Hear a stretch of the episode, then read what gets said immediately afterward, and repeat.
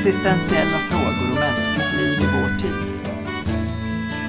Idag med Per Westblom, Lena Bergström och en gäst, Annika Spalde.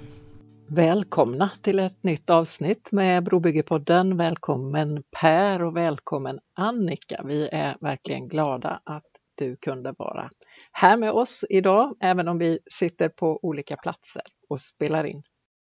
Tack, kul att vara med.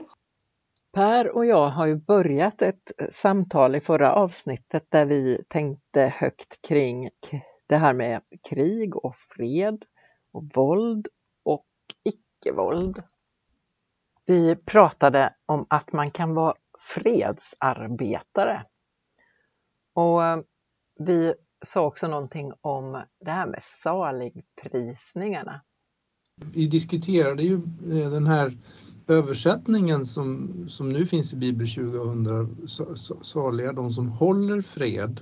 Mm. Men vi konstaterar ju att den mer korrekta översättningen är ju liksom att göra fred, att stifta fred. Alltså det finns en mer aktiv tydelse i, i den saligprisningen. Peacemaker. Mm. Och då var det inte så svårt att komma att tänka på dig Annika. Eh, vi känner dig som diakon i Svenska kyrkan, som författare och som just fredsarbetare och fredsaktivist. Du är också aktiv i Pilgrims Walk for Future och känd för att ha gått från Vadstena till Glasgow bland annat. Kan inte du berätta lite hur allting började, den här fredsaktivismen just? Ja, nej, men jag blev ju väl, eh, det kom in inte precis i början av mitt liv utan lite senare men det är ändå länge sedan för att jag börjar bli till åren. Nej men när jag flyttade till, eh, alltså jag har ju varit kristen sedan jag var 14 år och konfirmerade mig men, men när jag var mm, 28 eller någonting så flyttade jag till Hammarkullen eh, utanför Göteborg och eh, lärde känna fredsaktivister. Så att det var ju då, då som jag började reflektera mycket över att vara kristen i världen på ett mer politiskt sätt. Liksom. Innan dess hade det mest varit, eh, ja man ska, man ska försöka älska sina medmänniskor i det vardagliga livet, liksom, de man möter. Typ. Men, men, eh, ja, men jag var väldigt opolitisk och hade inte, hade inte gjort så många kopplingar liksom, till till fredsarbete eller ja, att göra motstånd mot orättvisor och sådär. I alla fall, så det var mycket som var spännande och nytt för mig i de här samtalen som, som vi förde mycket där under de här åren, slutet av 90-talet då. Och sen, ja, på den vägen är det kan man säga. Vad, vad var det för människor du mötte där i, i Hammarkullen? ja, det var både kristna och eh, icke-kristna. Men det var, var kanske en viss övervikt faktiskt åt kristna eh, aktiva i både ja, missionskyrkan som det var då i Hammarkullen och eh, Svenska kyrkan. Nej men det var ju delvis då hade det ju med plogbilsrörelsen att göra. Alltså att avrusta vapen, försöka påbörja avrustningen konkret av vapen och att ta ansvar för det och ta straffet och sådär. Så det var ju en del av det. Kan du liksom minnas när, när du bestämde eller kände att ja, men det här är något för mig? Inte exakt, men jag det var väldigt lätt, alltså det gick snabbt för mig att liksom ta till mig, till min mammas stora förfäran då, så, så bestämde jag mig under, bara inom några månader liksom för att jag skulle vara med i en eh, kampanj i England och eh, en avrustningskampanj mot Trident-ubåtarna eh, där, alltså deras, deras kärnvapensystem i Storbritannien. Vilket jag var då eh, 98 och, och satt häktad ett halvår i England och sådär. Eh, men jo, nej, men jag var liksom väldigt förberedd tror jag på ett sätt för att jag, jag hade ju varit i en viktig erfarenhet tidigare i mitt liv. Det var att, att jag var utbytesstudent i Paraguay när jag var 16, 17 och liksom fick en upplevelse av att människor av orättvisor, ojämlikhet och till viss mån även fattigdom, vad det kan innebära liksom. Så jag blev väldigt engagerad mot att eh, försöka vara med att eh, få till en mer rättvis värld på något sätt. Liksom. Och, och, så hade jag ju, och min tro var jag var katolik vid den här tiden då och min tro var ju väldigt viktig för mig. Så, så att när, när jag liksom fick höra mera och lyssna till kristna aktivister som argumenterade delvis utifrån Jesu liv och eh, icke-våldsbudskapet där, liksom att vi att vi är kallade till fredsarbete och, och framförallt ja, att jobba för, en rätt, för rättvisa, ja, både rättvisa och fred. Så landade det liksom väldigt, det var som att jag var verkligen förberedd för det. Det, det landade väl och snabbt i mig. Men du, i en bisats där så säger du någonting som liksom skiljer din erfarenhet från de flesta av oss. Du satt häktad i ett halvår. Då, då får man verkligen tid att fundera på vad det är värt. Ja, nu är man ju tack och lov inte lika isolerad som häktad i England som man är i Sverige då så att, ehm, så att det var inte det att jag satt i min ensamhet i sex månader men men eh, alltså man satt ju i sin cell rätt många timmar också men på dagarna var ju vi för det mesta ute på avdelningen och, och kunde prata med de andra. Och det var lite en tid av eh, reflektion. Mm. Mm.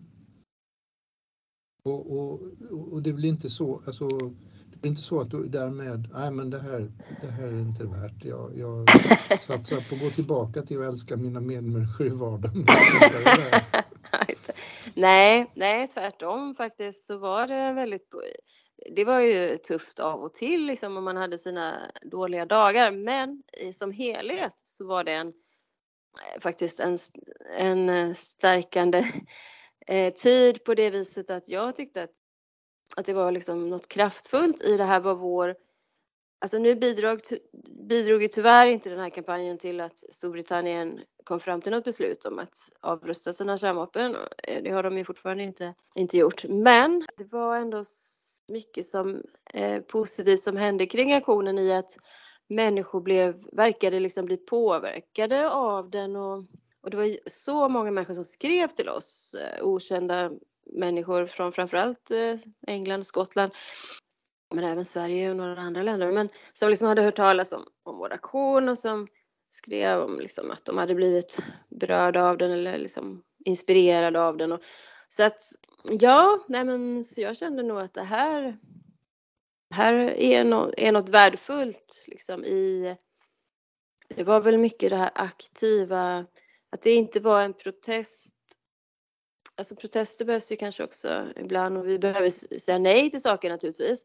Men vad jag tycker är, är lite speciellt och kraftfullt i just den här traditionen det är ju att man mer tänker att vi behöver agera aktivt, proaktivt liksom eh, och eh, oskadliggöra vapen som är väldigt farliga saker som kan skada människor och döda människor eh, och förstöra mycket annat de här sakerna behöver oskadliggöras och okej, okay, det är liksom ett arbete som vi behöver eh, gå in i och eh, då gör vi det. Och sen får andra, sen kanske andra kommer att försöka stoppa oss då. då. Ja, det brukar ju ske.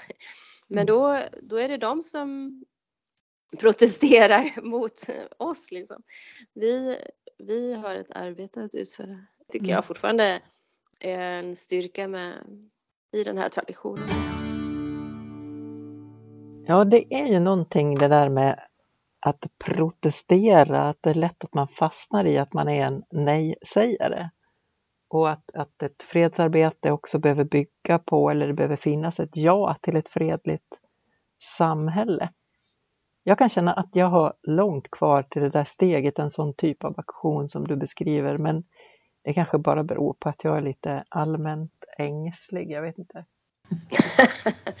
Nej men ja, ja, jag tror att det handlar jättemycket om kultur och berättelser och vad man lever i för sammanhang, vad man har för umgänge. För att det var ju liksom som att eh, den här miljön som skapades i Hammarkullen i alla de här samtalen vi hade under matlag och fikastunder och gudstjänster.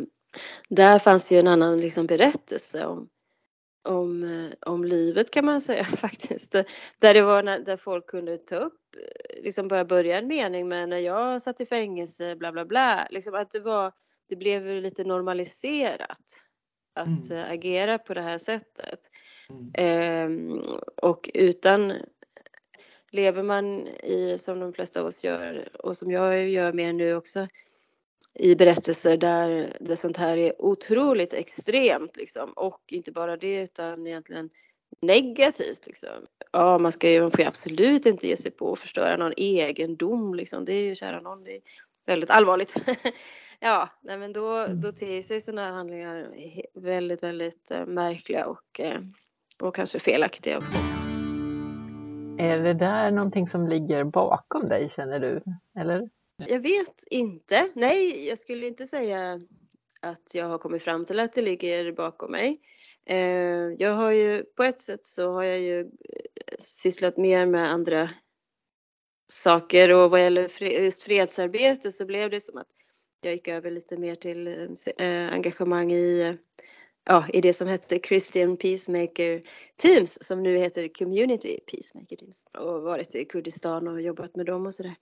Men nu sen klimatfrågan har blivit större och större eh, för mig så, så har jag tänkt eh, en del faktiskt på eh, och förstås också aktualiserat av de som gör civil olydnadsaktioner för klimatet i Sverige idag. Att eh, liksom vad skulle vara en motsvarande en avrustningsaktion för klimatet och eh, skapelsen. Liksom vad, hur skulle den kunna se ut? Om, om man ser liksom hela fossilindustrin eller ja, men särskilt då att ta, ta upp mer som i Norge där man liksom fortfarande ger tillstånd till företag att leta efter nya oljefyndigheter och så, vilket är ju, alltså jag fattar inte hur det kan vara så, men att liksom på något sätt göra en aktion där man kanske avrustar någon del av den infrastrukturen som de här företagen använder för att leta efter ny olja. Om man kunde hitta, jag, jag har tänkt en del på det, att det, det är liksom om man skulle hitta en bra symboliskt bra eh, aktions eh, formationsmål så, så skulle jag nog kunna eventuellt vara intresserad av det. Mm. För att jag tror, ja, nej men jag tror faktiskt eh, på, jag tror fortfarande på den här typen av aktioner. Det gör jag nog faktiskt, mm. ja. Mm. Jag tänkte på din referens till Paraguay var det. Mm. Du levde där under ett, två mm. år. Ett och mm. Nu kan inte jag Paraguay väldigt bra men, men jag föreställer mig att att våldet, vardagsvåldet är mycket mer nära där än i Sverige. Det första året jag var där som utbytes, utbytesstudent 86, 87, då var det fortfarande eh, diktatorn Stroessner som hade makten. Han var ju den, en av de, eller ja, den som var diktator under längst tid i, i hela världen. Men det märkte ju inte jag mycket av eh, förstås, men däremot så fanns det ju som en underliggande verklighet liksom. och eh, åren efter när jag kom hem där så förstod jag mer och mer liksom hur eh, Alltså att det var många politiska fångar som, som satt i fängelse och, och att det fanns en rädsla för vad man sa. Ja, jag kommer ihåg en, att någon spelade en, en låt och så rusade någon annan fram och sa nej, liksom, nej spela inte den där låten, alltså för den hade något politiskt budskap. Alltså det fanns en rädsla förstås för mm. det, det förtryck man kunde drabbas av i en diktatur. Så det fanns liksom lite grann i bakgrunden så. Men, um, men annars var liksom, jag levde i en medelklassfamilj och som hade ett, ett, ett gott liv faktiskt. Mm. Så, så att det var inte liksom vad som drabbade mig det var ju mer ojämlikheterna och liksom insikten. Alltså när man kommer från ett väl, när man bara är 16 år och, bara har levt i Sverige och tagit liksom välfärdssystemet för givet och så inser man att människor kan bli sjuka i andra länder kan bli sjuka och så måste de betala mer än vad de har råd med liksom, för att få vård. Alltså sådana såna mm. insikter tyckte jag var väldigt, eh, ja de skakade om mig lite grann och och gjorde att jag bara kände att så här kan vi, det här är helt galet liksom. Och att människor inte hade tillräckligt att äta ibland. Och, ja. Erfarenheterna från Kurdistan, vad säger du om dem? Jo, i Kurdistan är det ju ett våld som är väldigt uppenbart i och med Turkiet och ibland Iran också. Eh, bombar över och skickar granater över gränsen och eh, och det drabbar bybor som är eh, ute med sina får eller som liksom bara försöker odla och leva sina liv. i de trakterna. Vad har din roll varit i, i ett sånt team? Ja, där finns ett team sedan över tio år nu i en storstad som heter Soleimani, Soleimania. Men eh, de åker runt mycket i de här mindre byarna då i bergstrakterna för att eh, stötta de eh, människor som drabbas och dokumentera när det har varit en, en attack då att eh, dokumentera vad som har hänt och lyssna på människornas eh, berättelser och försöka sprida dem vidare. Men även att, eh, ja men vi har många gånger varit på konsulat, både så här, Turkiets konsulat och USAs ambassad och, som ju är liksom nära allierad med Turkiet för att ja, föra fram eh, som hur det här drabbar civila och vad det är som hur orimligt det är att de inte kan leva sina liv trygga. Ja, den typen av arbete har det framförallt varit. Det är ju också en typ av aktivt fredsarbete kan man väl säga. Ja, jo men CPT har varit viktigt för mig i, och de har ju gjort en resa också i och för sig. De jobbar inte riktigt på samma sätt idag som innan men där är ju människor som har tänkt väldigt mycket kring det här med, med våld och hur en krist, vad det är för oss som kristna och Jesus efterföljare, liksom att förhålla oss till våld och krig och förtryck. Eh, och det var ju var framförallt menoniter som, som startade CPT och alltså en, en av de historiska fredskyrkorna där man eh, sedan då liksom 1500-talet har tagit avstånd från eh, att delta i krig. Eh, men, men sen har det väl gått lite upp och ner liksom hur mycket utav mer aktivt fredsarbete det, har inneburit då. Men ehm, eh, när CPT startade, det var väl slutet på, eller någon gång under 80, 80 och början på 90-talet, så var det ju en känsla av att vi har en kallelse till, till aktivt liksom, fredsarbete. Och vi har liksom missförstått eh, vår kallelse om vi bara tänker att vi ska avstå från att delta i krig eller att använda våld på andra sätt. Nu är ju menoniter i, i minoritet även om det fortfarande är de som, som finns med i CPT. Men eh, sen kom ju förstås kristna från alla möjliga samfund och ville vara med. Och sen så eftersom man har jobbat ju då till exempel i muslimska områden och länder som Kurdistan och Palestina. Till exempel muslimer har ju liksom inspirerats av den, det arbete som CPT gör och velat eh, komma med och eh, jobba i teamen och eh, så det har lett till, har varit en jättelång process men det har ju lett till att man nu rätt nyligen då har ändrat namnet från, från Christian till Community och att eh, även om det tros, det fortfarande är liksom faith-based, pratar man ju mycket om, så trosbaserat, så är det inte bara människor kan ha annan, annan trosbakgrund än eh, kristna då, eh, och för att vara med och jobba. De gjorde ju, eh, har ju liksom tänkt en del kring det här med icke-våldsmotstånd och att sätta sig i väg. Från början var det mer fokus på att sätta sig i vägen, liksom så här ockupationer och blockader och som i Palestina så gjorde de några gånger att de satte sig på hus som eh, israeliska militären skulle riva som ju straff. Ja, de river ju palestinska hus av olika orsaker men eh, ja, det är ju väldigt orättfärdigt hur människor drabbas av det.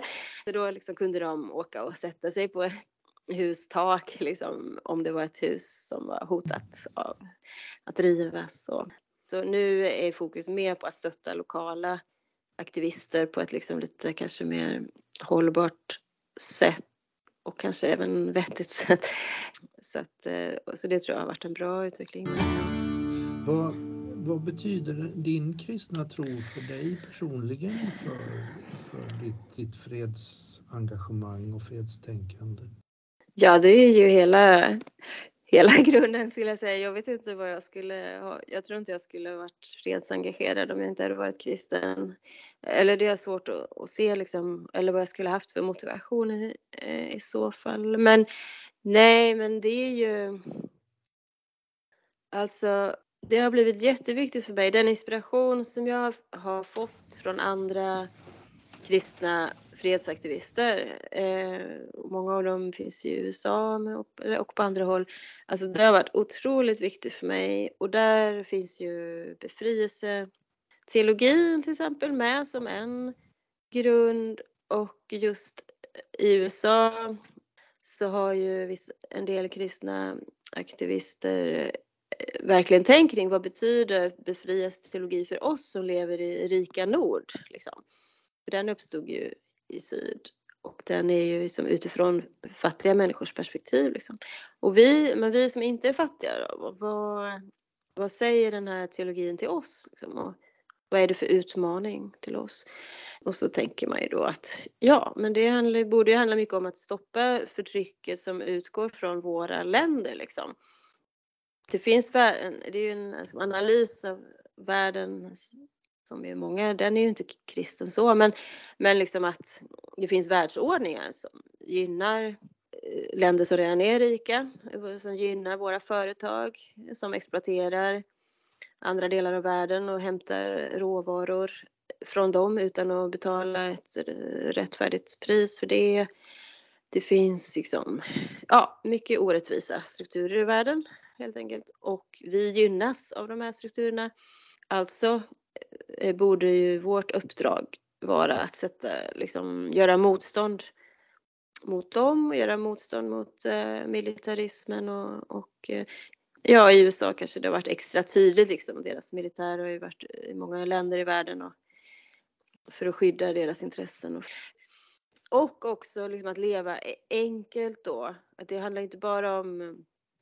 Alltså det som tilltalade mig mycket var väl liksom det här helhjärtade, att hela livet, att det är en helhetssyn på livet liksom. Och i mm. det här ingår ju mycket också att leva tillsammans och att leva enkelt för att, för att vi behöver dela på jordens resurser och vi Ja, vi vet till exempel i Sverige idag att vi använder, att medelsvensson använder 4,2 jordklot per år liksom, istället för ett, vilket borde vara det rimliga. Vi, det är ju fortfarande så att vi i rika länder Eh, gör eh, slut på alldeles för mycket av jordens resurser och släpper ut för mycket växthusgaser och andra eh, dåliga grejer. Ja, nej men sådär kallelsen till ett enklare liv, och liv i gemenskap. Det var liksom en hel en helhet och det var mycket i då den här rörelsen som heter The Catholic Worker som jag mötte de här tankarna då. Det har varit en jätteviktig inspirationskälla för mig. Så ja, så för att komma in lite mer på fredstemat så var ju Jesu liv i Jesu exempel och undervisning som i bergspredikan men även andra, eh, ja hur han liksom ingrep i templet i en slags icke-våldsaktion däremot. Det, det var ett, hade blivit en förtryckande institution.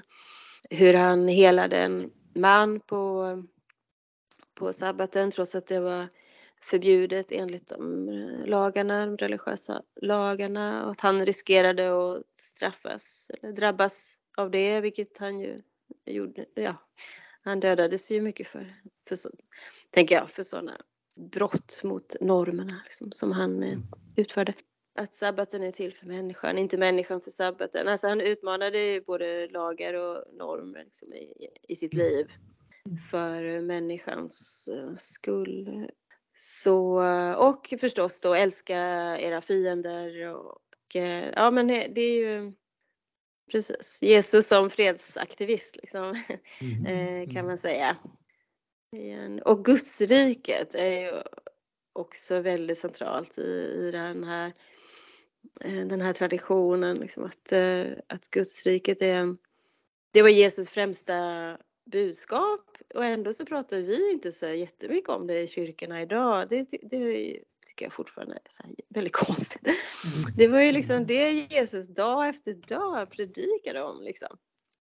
Så, så det är frågorna om liksom, vad är Gudsriket och hur kan vi, om det är en verklighet, om vi tror liksom att Guds rike finns på något sätt som en verklighet. Det, det är ju den här surdegen då eller senapskornet som ska växa och bli en stort, ett träd. Vad, hur kan vi öppna oss i våra liv för den, för den verkligheten? Det som Gud vill liksom göra genom oss. Eh, och, och där tänker jag ju då att icke-våld och, och liksom kreativitet i att skapa ett bättre samhälle och att öva på att förlåta varandra, att öva på att bryta ner olika typer av murar och gränser som vi lätt sätter upp här på jorden. Och att sådana saker, det är liksom att för oss att eh, där, liksom praktisera att ta Gudsriket på allvar eh, och tro på att det är det finns där hela tiden som en liksom, potentiell verklighet eller möjlighet. Men det, det krävs ju att vi ger, ger den öppningar liksom, i, i våra liv för att den ska ta gestalt. Men, men det jag hör dig säga, eh, det, det, du får, får säga om du tycker det stämmer eller mm. inte, det är att för, för mm. dig är fredsfrågan både väldigt liksom strukturell, global, politisk och väldigt personlig. Ja, absolut, absolut. Jo, men det, mm. det, det handlar Relationell, om all, allting. Liksom, i, i, dina, mm. i dina vardagsrelationer. Mm. Ja, absolut. Men ännu mer, eller när jag tänker på Gudsriket och så, så tänker jag ändå mycket faktiskt på för, att församlingen skulle kunna vara en så viktig plats. Alltså, men tyvärr så, ja, eller det, det finns potential i alla fall mm. Mm. där som vi kanske inte, inte använder. För att för mycket av det här, liksom en annan del av av den kultur och den miljö som jag påverkas mycket av, eh, alltså icke-våldstraditionen som den fanns i Hammarkullen vid den här tiden. Det handlar ju om just det här med att öva också. Att, mm.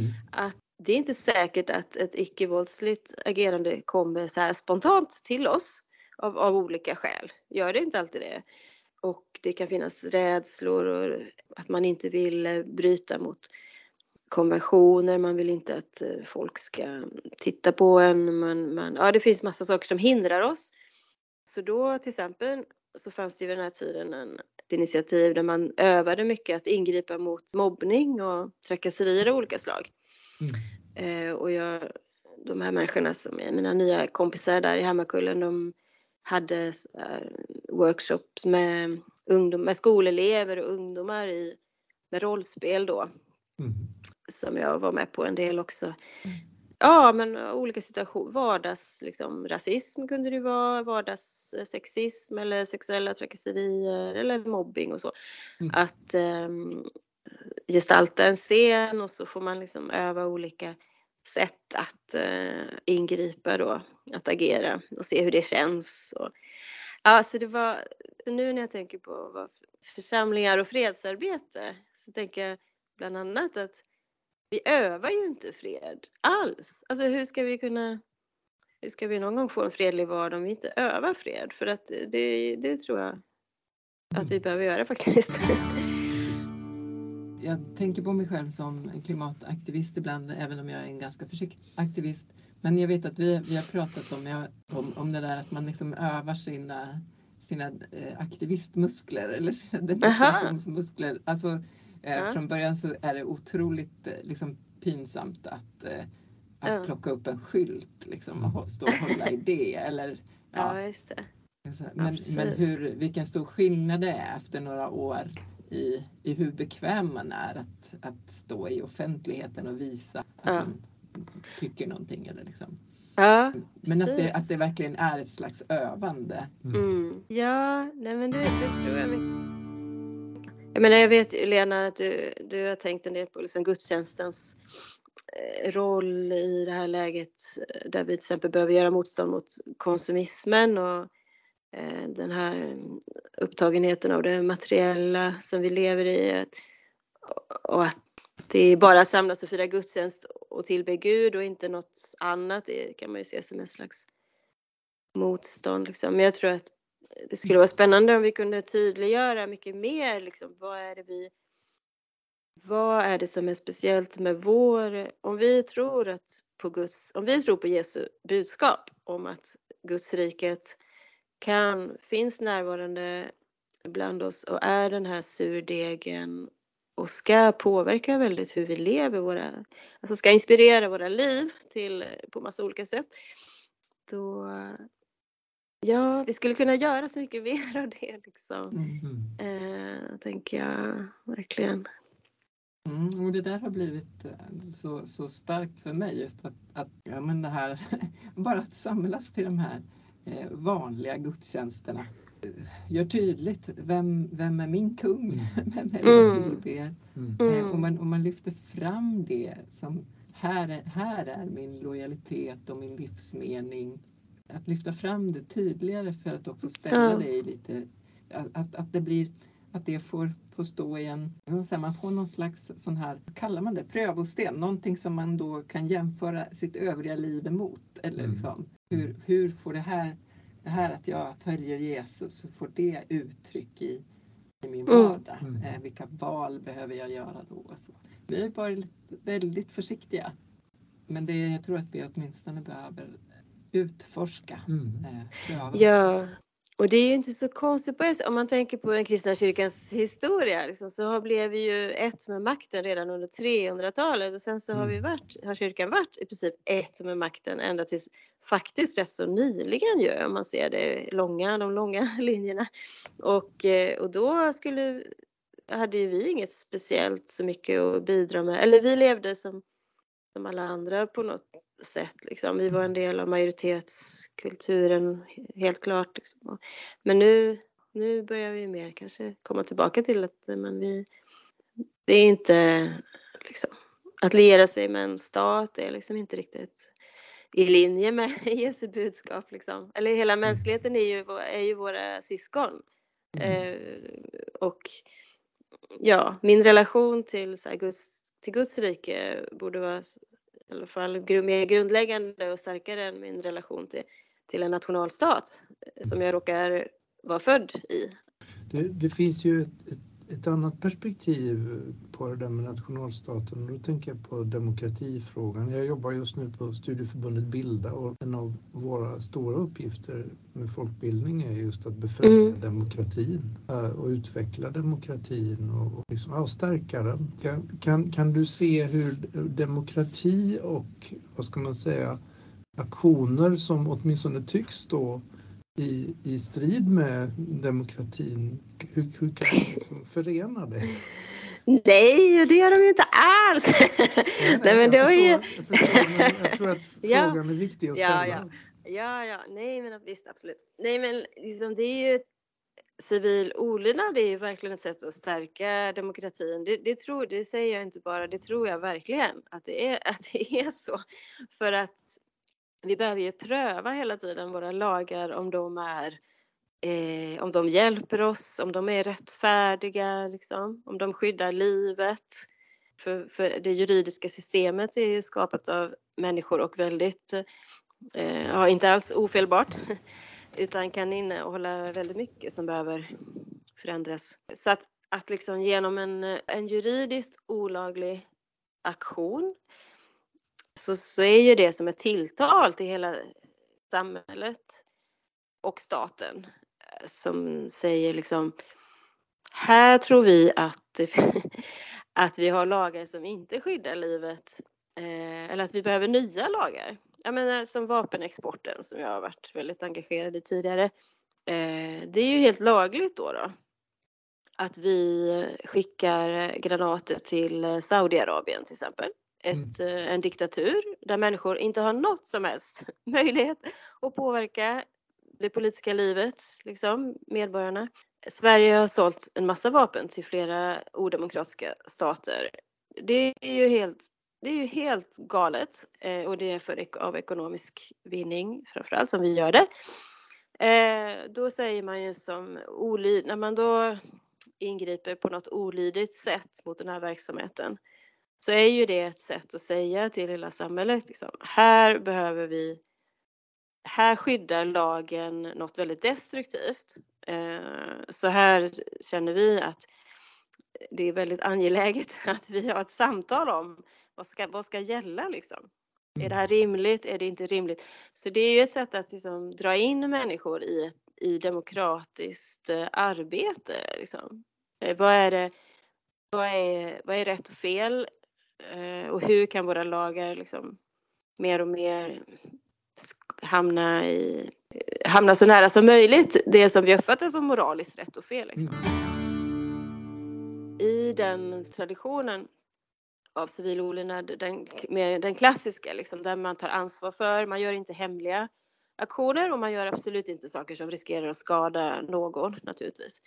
Eh, så länge som man håller sig till det liksom, så tycker jag att det, det är en stor möjlighet att liksom stärka demokratin för att förbättra eh, det, det juridiska systemet liksom. och ännu mer bara väcka människor till reflektion. Liksom. Vad, är det vi, mm. vad är det vi håller på med? Vad är det för samhälle vi vill ha? Liksom, är, mm. Ja, lite så. Vad är rätt och fel? Mm. Alltså det är ju också så, så stor skillnad på hur eh, olika, i olika samman, samhällen också vad stor fara och man kan tänka att, att i ett land som Sverige så har vi större möjlighet. Mm. Verkligen, ja, nej men det är ju otroligt ödmjukande när man tänker på till exempel ryska aktivister eller pers personer överhuvudtaget liksom, som gör motstånd mot till exempel eh, kriget mot Ukraina och mm. vad, de, mm. Eh, alltså, vad de riskerar att eh, så många modiga människor det, det finns som vågar, kan tänka sig att ta sådana risker som, som de och många andra i andra länder gör. Liksom. Jag, var, jag var och lyssnade på Ola Larsmo. Eh, han höll ett föredrag om sin bok Översten om K.O. Brody som nu mm. blev Sveriges första rektor på en teologisk högskola, nämligen Betseminariet. Mm. Och han, han blev ju då baptistpastor och det sista som hände då när han runt 1850 skulle gå ut, liksom ta examen, så, så blev han rekryterad till amerikanska inbördeskriget på skolan och gick ut och deltog. Det som var det drivande motivet eh, betonade Larsmo då för, för de här eh, baptisterna nordstatsbaptisterna, det var slaveriet. Alltså motståndet mot slaveriet. Alltså, mm det var dödssynden framför andra. Och det som jag inte visste det var att inspirationen kom från The Second Great Awakening i början på 1800-talet med Charles Finney bland med, med, som var oerhört liksom, socialt politiskt progressiv, radikal. Och det är ju gott och väl, det kan man ju liksom instämma i och, och, och förstå. Och samtidigt så blev det då för dem ett motiv att bruka våld. Mm. Eh, och, och, en av dem som var där frågade just, fanns det ingen reflektion över det? Nej, det verkar inte ha gjort det. Det var liksom ändå, det här var sätt. Har du någon tanke om det? Det måste, jag tänker att det här var alltså 1800-talet. Ja, ja Det fanns ju både mennoniter och kväkare i USA vid den här tiden. Så jag tänker att om man, mm. det fanns ju, om man, om man undersöker lite mer vad Eh, vi, eh, vad som sades och gjordes i de grupperna så hittar man ju säkert, tänker jag, människor som, som inte höll med om, om, om det. Nej, men det är, klart att, eh, att krig har ju varit väldigt normaliserat också från, bland kristna från 300 400-talet och framåt tills rätt så nyligen. Liksom. Och på ett sätt oproblematiskt. Idag är det ju i alla fall Idag ser vi det ju ändå mer som väldigt problematiskt för att vi vet för att moderna krig orsakar också så osannolikt mycket mer förstörelse och död än vad krig på 1800-talet till exempel mm. gjorde. Mm.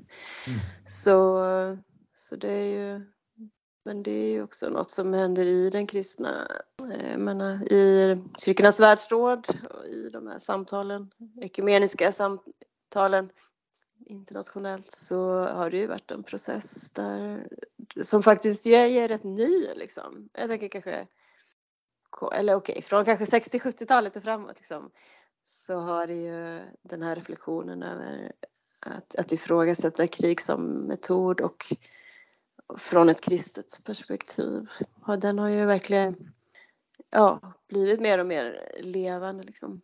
Och Kyrkans världsråd särskilt har ju liksom ägnat mycket, de har haft ett årtionde för att övervinna våldet och de, den här konferensen på Jamaica 2011 som var väldigt, eh, kom ett kraftfullt budskap liksom om rättfärdig, nu är det dags att sluta prata om rättfärdigt krig, liksom, det finns inga rättfärdiga krig. Men, men vad är rättfärdig fred och hur kan vi verkligen leva och öva oss i rättfärdig fred.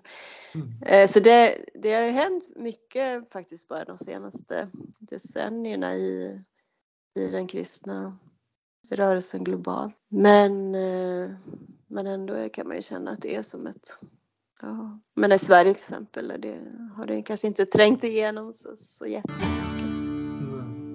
Ja, nej men så Gandhi brukade ju säga, alltså impulsen att försvara, att stå upp för det som är rätt och, och eh, ingripa mot förtryck. Att det är klart att många, en del som har gått in i våldshandlingar eller krigshandlingar har haft det som kanske en stor del av sitt motiv. Och eh, Gandhi hade ju väldigt stor eh, liksom, förståelse för det och han, eh, han sa ju någon gång att om man ska, om man ska liksom välja mellan så här, passivitet inför våld och orättvisor eller att ingripa med våld för att skydda offren då, då, då är det bättre att man ingriper med våld. För att, liksom, att inte göra någonting alls är liksom ännu värre. Ungefär gör det och så var det nog inte ordagrant, men det var mm, ungefär så. Så det, ja, ja, men det är rätt intressant. Pacifism har ingenting med att vara mm. passiv att göra. det. Nej, det kommer från mm. pace som är för fred och frid. Mm. Ja, just det. Men det är lätt att eh, det är lätt att blanda ihop det, eh, både genom ordet men också i attityden. Att det, att eh, fred eller pacifism mm. blir, blir mm. liksom alternativet till krig är att, att inte bry sig eller inte göra något. Mm. Liksom. Mm. Det, där där Nej, behöver precis. vi skapa mer av en fredskultur. Mm. Sverige har ju, har ju levt i fred väldigt länge men mm. har, vi, har vi verkligen byggt en fredskultur? Nej, ja, nej precis. Det, är ett väldigt spännande ord tycker jag, fredskultur. Ja. Det, skulle, det förtjänar att utforskas. Ja, det kanske är ett, ett, ett nytt avsnitt. Ett lästips, jag tror till och med finns på nätet, det är ju då från Kyrkans världsråd i samband med det här 2001 till 2010 decenniet för att övervinna våldet så skrev de ju mycket och då finns det bland annat en bok som heter Just Peace Companion. Mm -hmm. eh, och där, den tyckte jag, den läste jag inför att jag skulle göra något studiematerial. Eh, där tyckte jag det fanns jättemycket bra konkreta saker och råd och tips på vad man kan göra i församling och sådär liksom. Mm. Så det kan vara något för de som vill läsa. Mm. Jag ska försöka lägga ut någon länk. Mm. Om, det. Mm. Om, om, du ändå ska hålla på med litteraturtips så en bok som betyder oerhört mycket för mig i Ronald Siders bok Kristus och våldet.